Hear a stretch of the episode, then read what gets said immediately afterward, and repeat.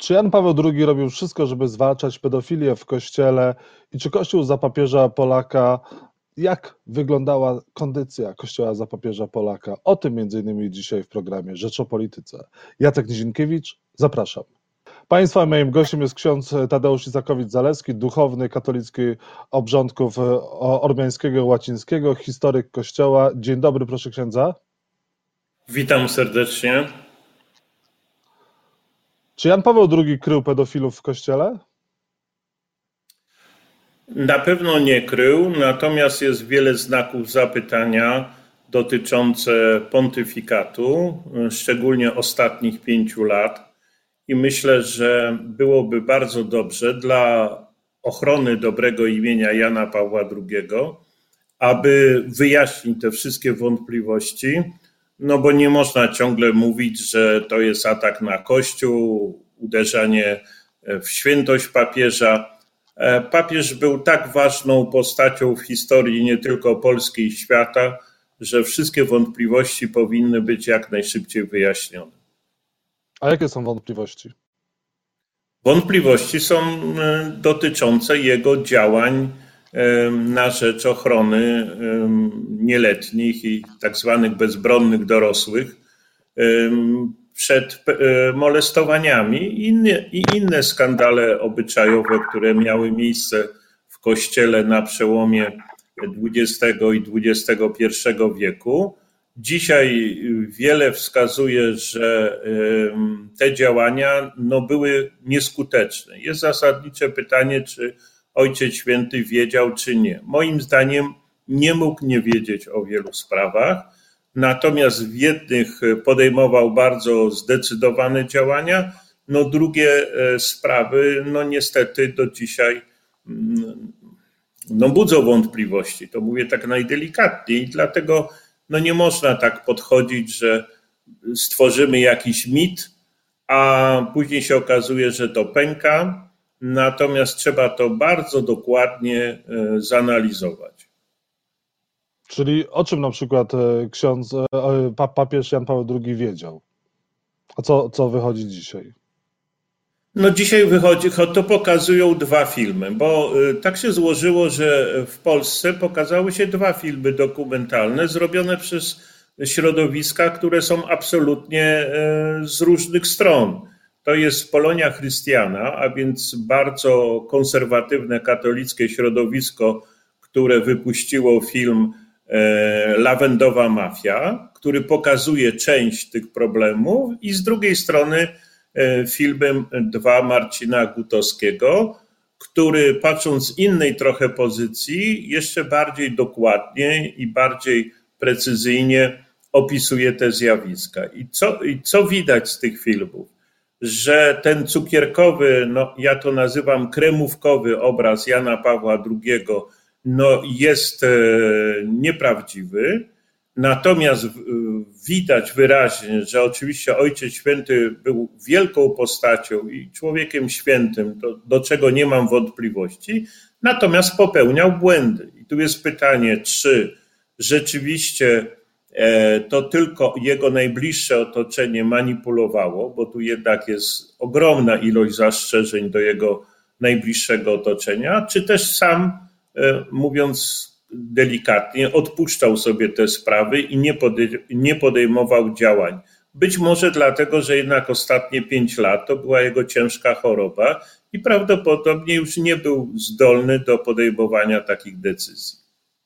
No ale nie mówimy tylko o ostatnich pięciu latach, ale o e, całym pontyfikacie papieża Polaka i pytanie, czy Jan Paweł II właśnie stworzył sobie taką e, purpurową sieć współpracowników i też e, on decydował, czy też jego ludzie decydowali, kto zostanie wzniesiony na najwyższe hierarchiczne stanowiska.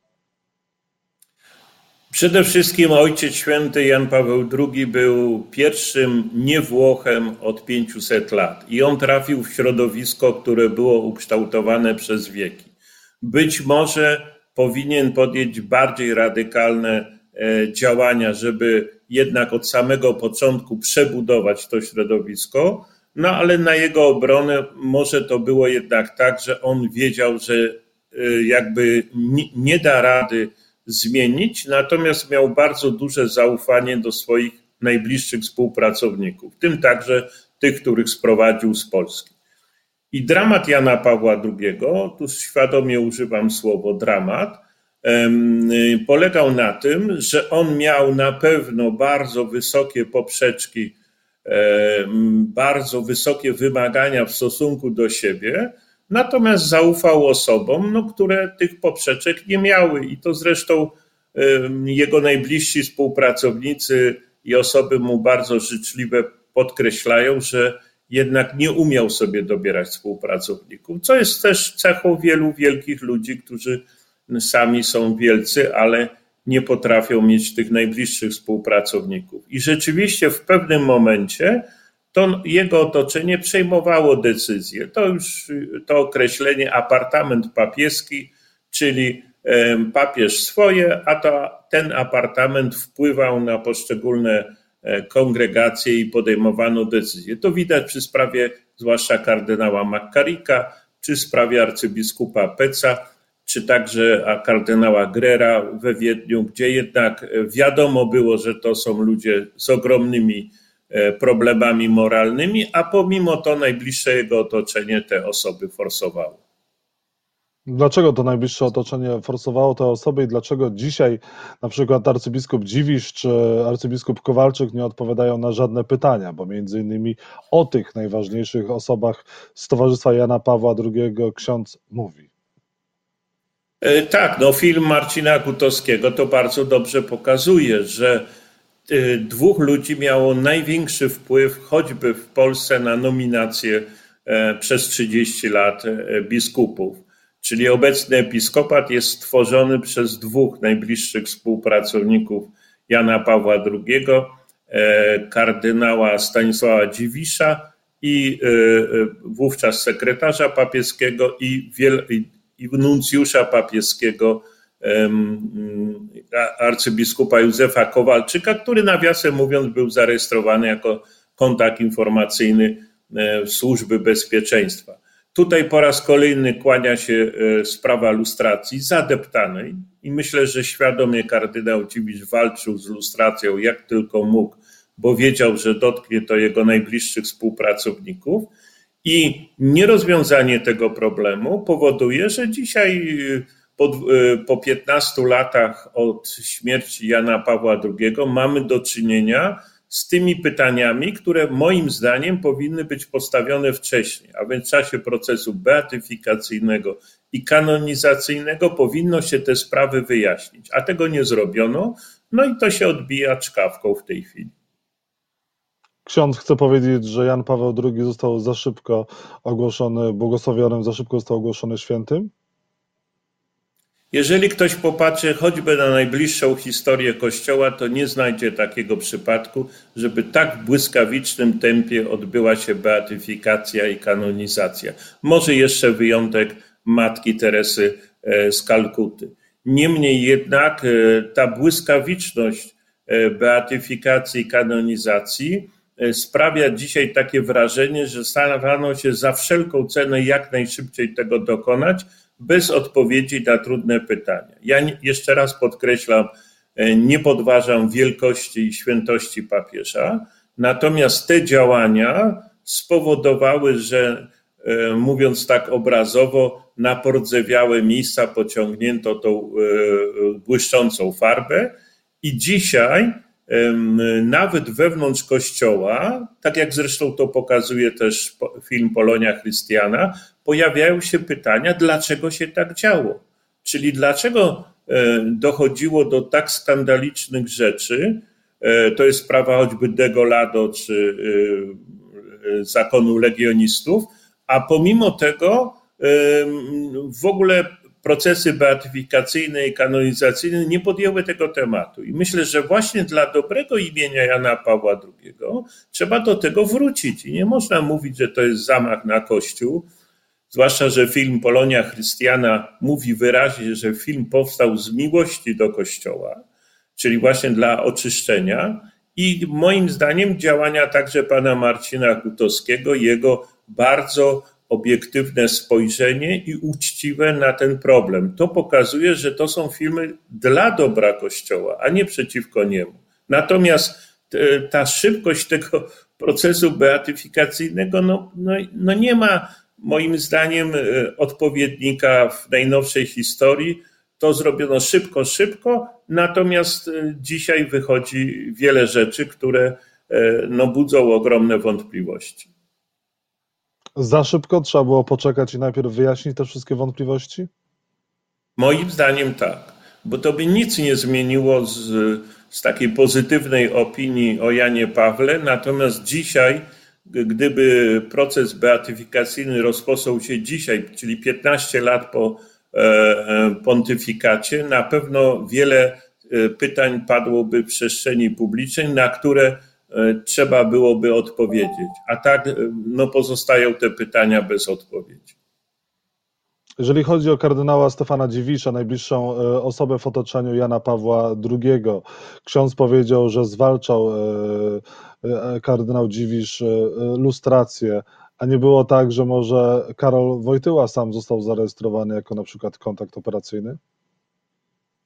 Nie, no to w wypadku y, tutaj Karola Wojtyły nie ma żadnej wątpliwości co do, niego, do jego niezłomności wtedy, kiedy był arcybiskupem w Krakowie i kiedy był papieżem.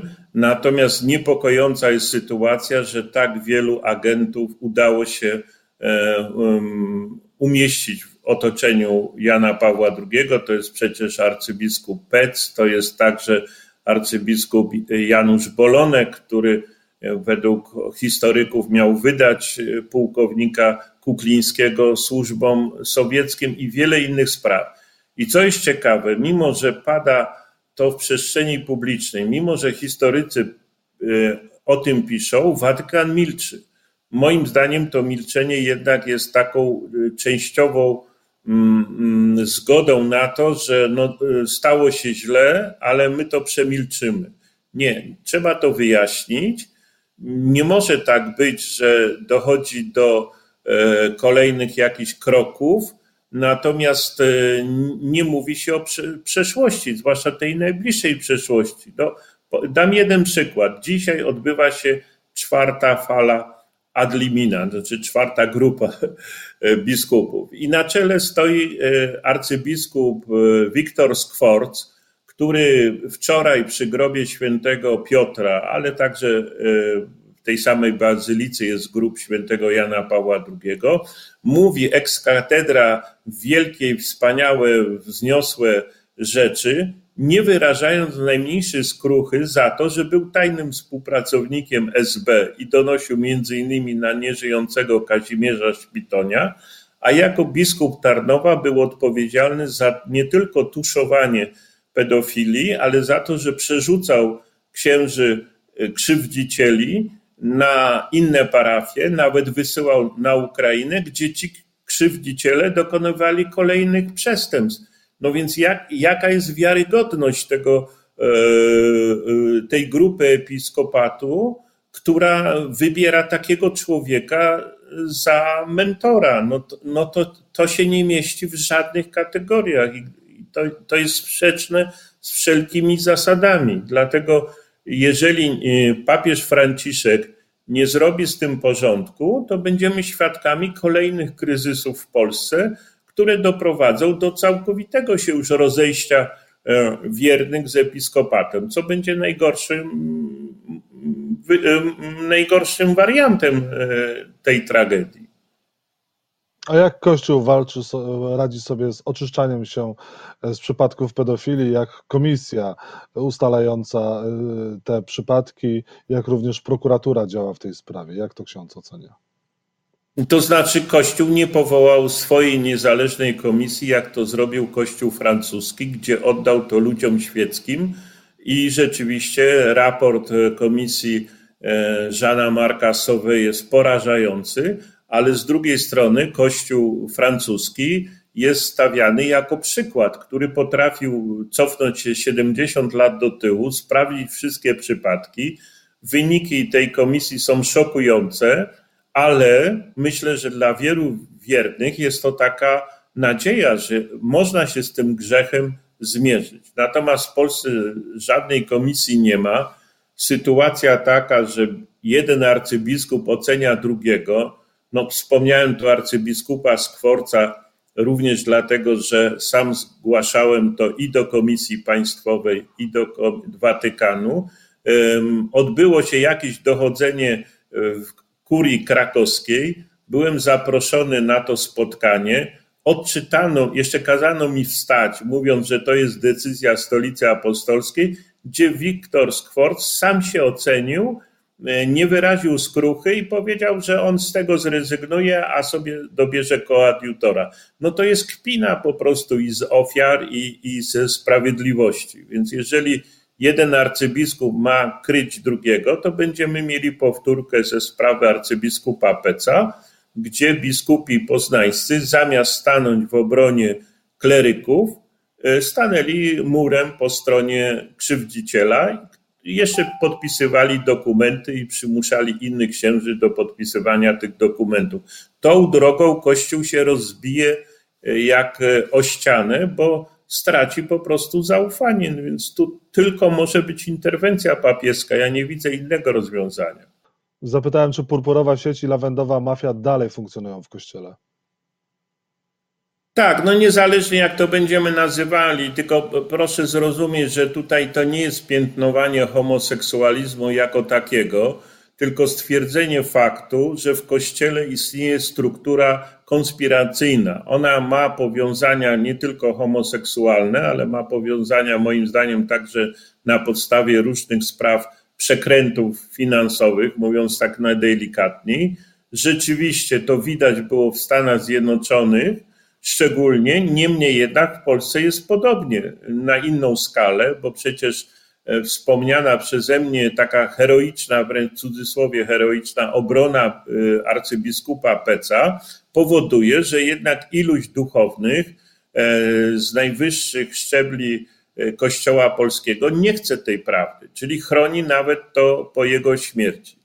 Więc jeżeli arcybiskup Marek Jędraszewski publicznie mówi o tęczowej zarazie, a równocześnie nie chce wyjaśnić, dlaczego 20 lat temu stanął po stronie e, sprawcy, a nie po stronie ofiar, no to jaka może być wiarygodność tych słów? I dzisiaj trzeba to powiedzieć, nawet y, na tej zasadzie, że no trudno, ktoś popełnił błąd, źle zrozumiał, natomiast pójście w zaparte to jest naj, najgorsze, co może być, bo wtedy kłamstwo rodzi następne kłamstwo i wtedy powstaje już taka spirala tych różnych powiązań, układów, ten ma haki na tamtego, ten przeciwko tamtemu, no to wtedy nie jest Kościół, tylko korporacja.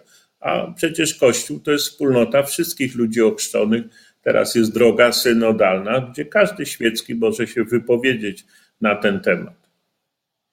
Proszę księdza, wspomniał Pan o arcybiskup, ksiądz o arcybiskupie Marku Jędraszewskim, który bardzo mocno wspiera e, rządzących. Czy Kościół powinien dzisiaj być w takiej symbiozie z, z prawem i sprawiedliwością?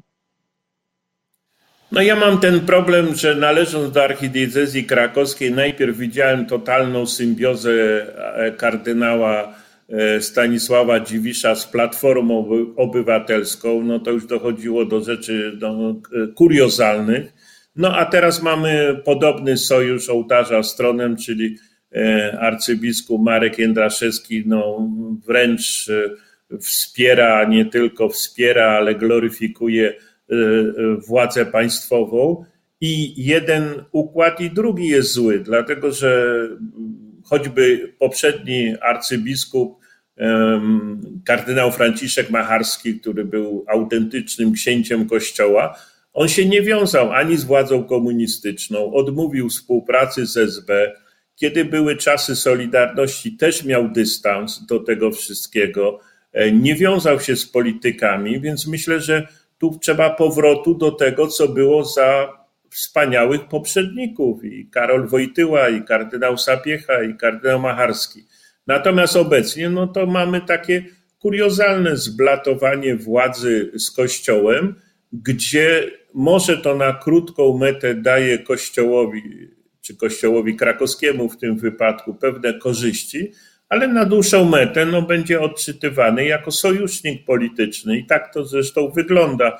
Natomiast y, jeszcze raz podkreślę, że gdyby, dopóki arcybiskup Marek Jędraszewski nie wyjaśni sprawy Peca, to zawsze e, e, czy osoby mu życzliwe, czy nieżyczliwe będą mu to wyciągać. Nie może tak dalej funkcjonować, mówić, że on będzie milczał aż do, e, aż do odejścia swojego i nie powie, jaka była prawda w sprawie Peca. Do tematów pewnie jeszcze niejednokrotnie wrócimy, a tymczasem musimy kończyć. Bardzo dziękuję za rozmowę. Dziękuję Ksiądz bardzo. Tadeusz Isakowicz-Zalewski był Państwa moim gościem. Jeszcze raz dziękuję i dobrego dnia. Dziękuję bardzo nawzajem.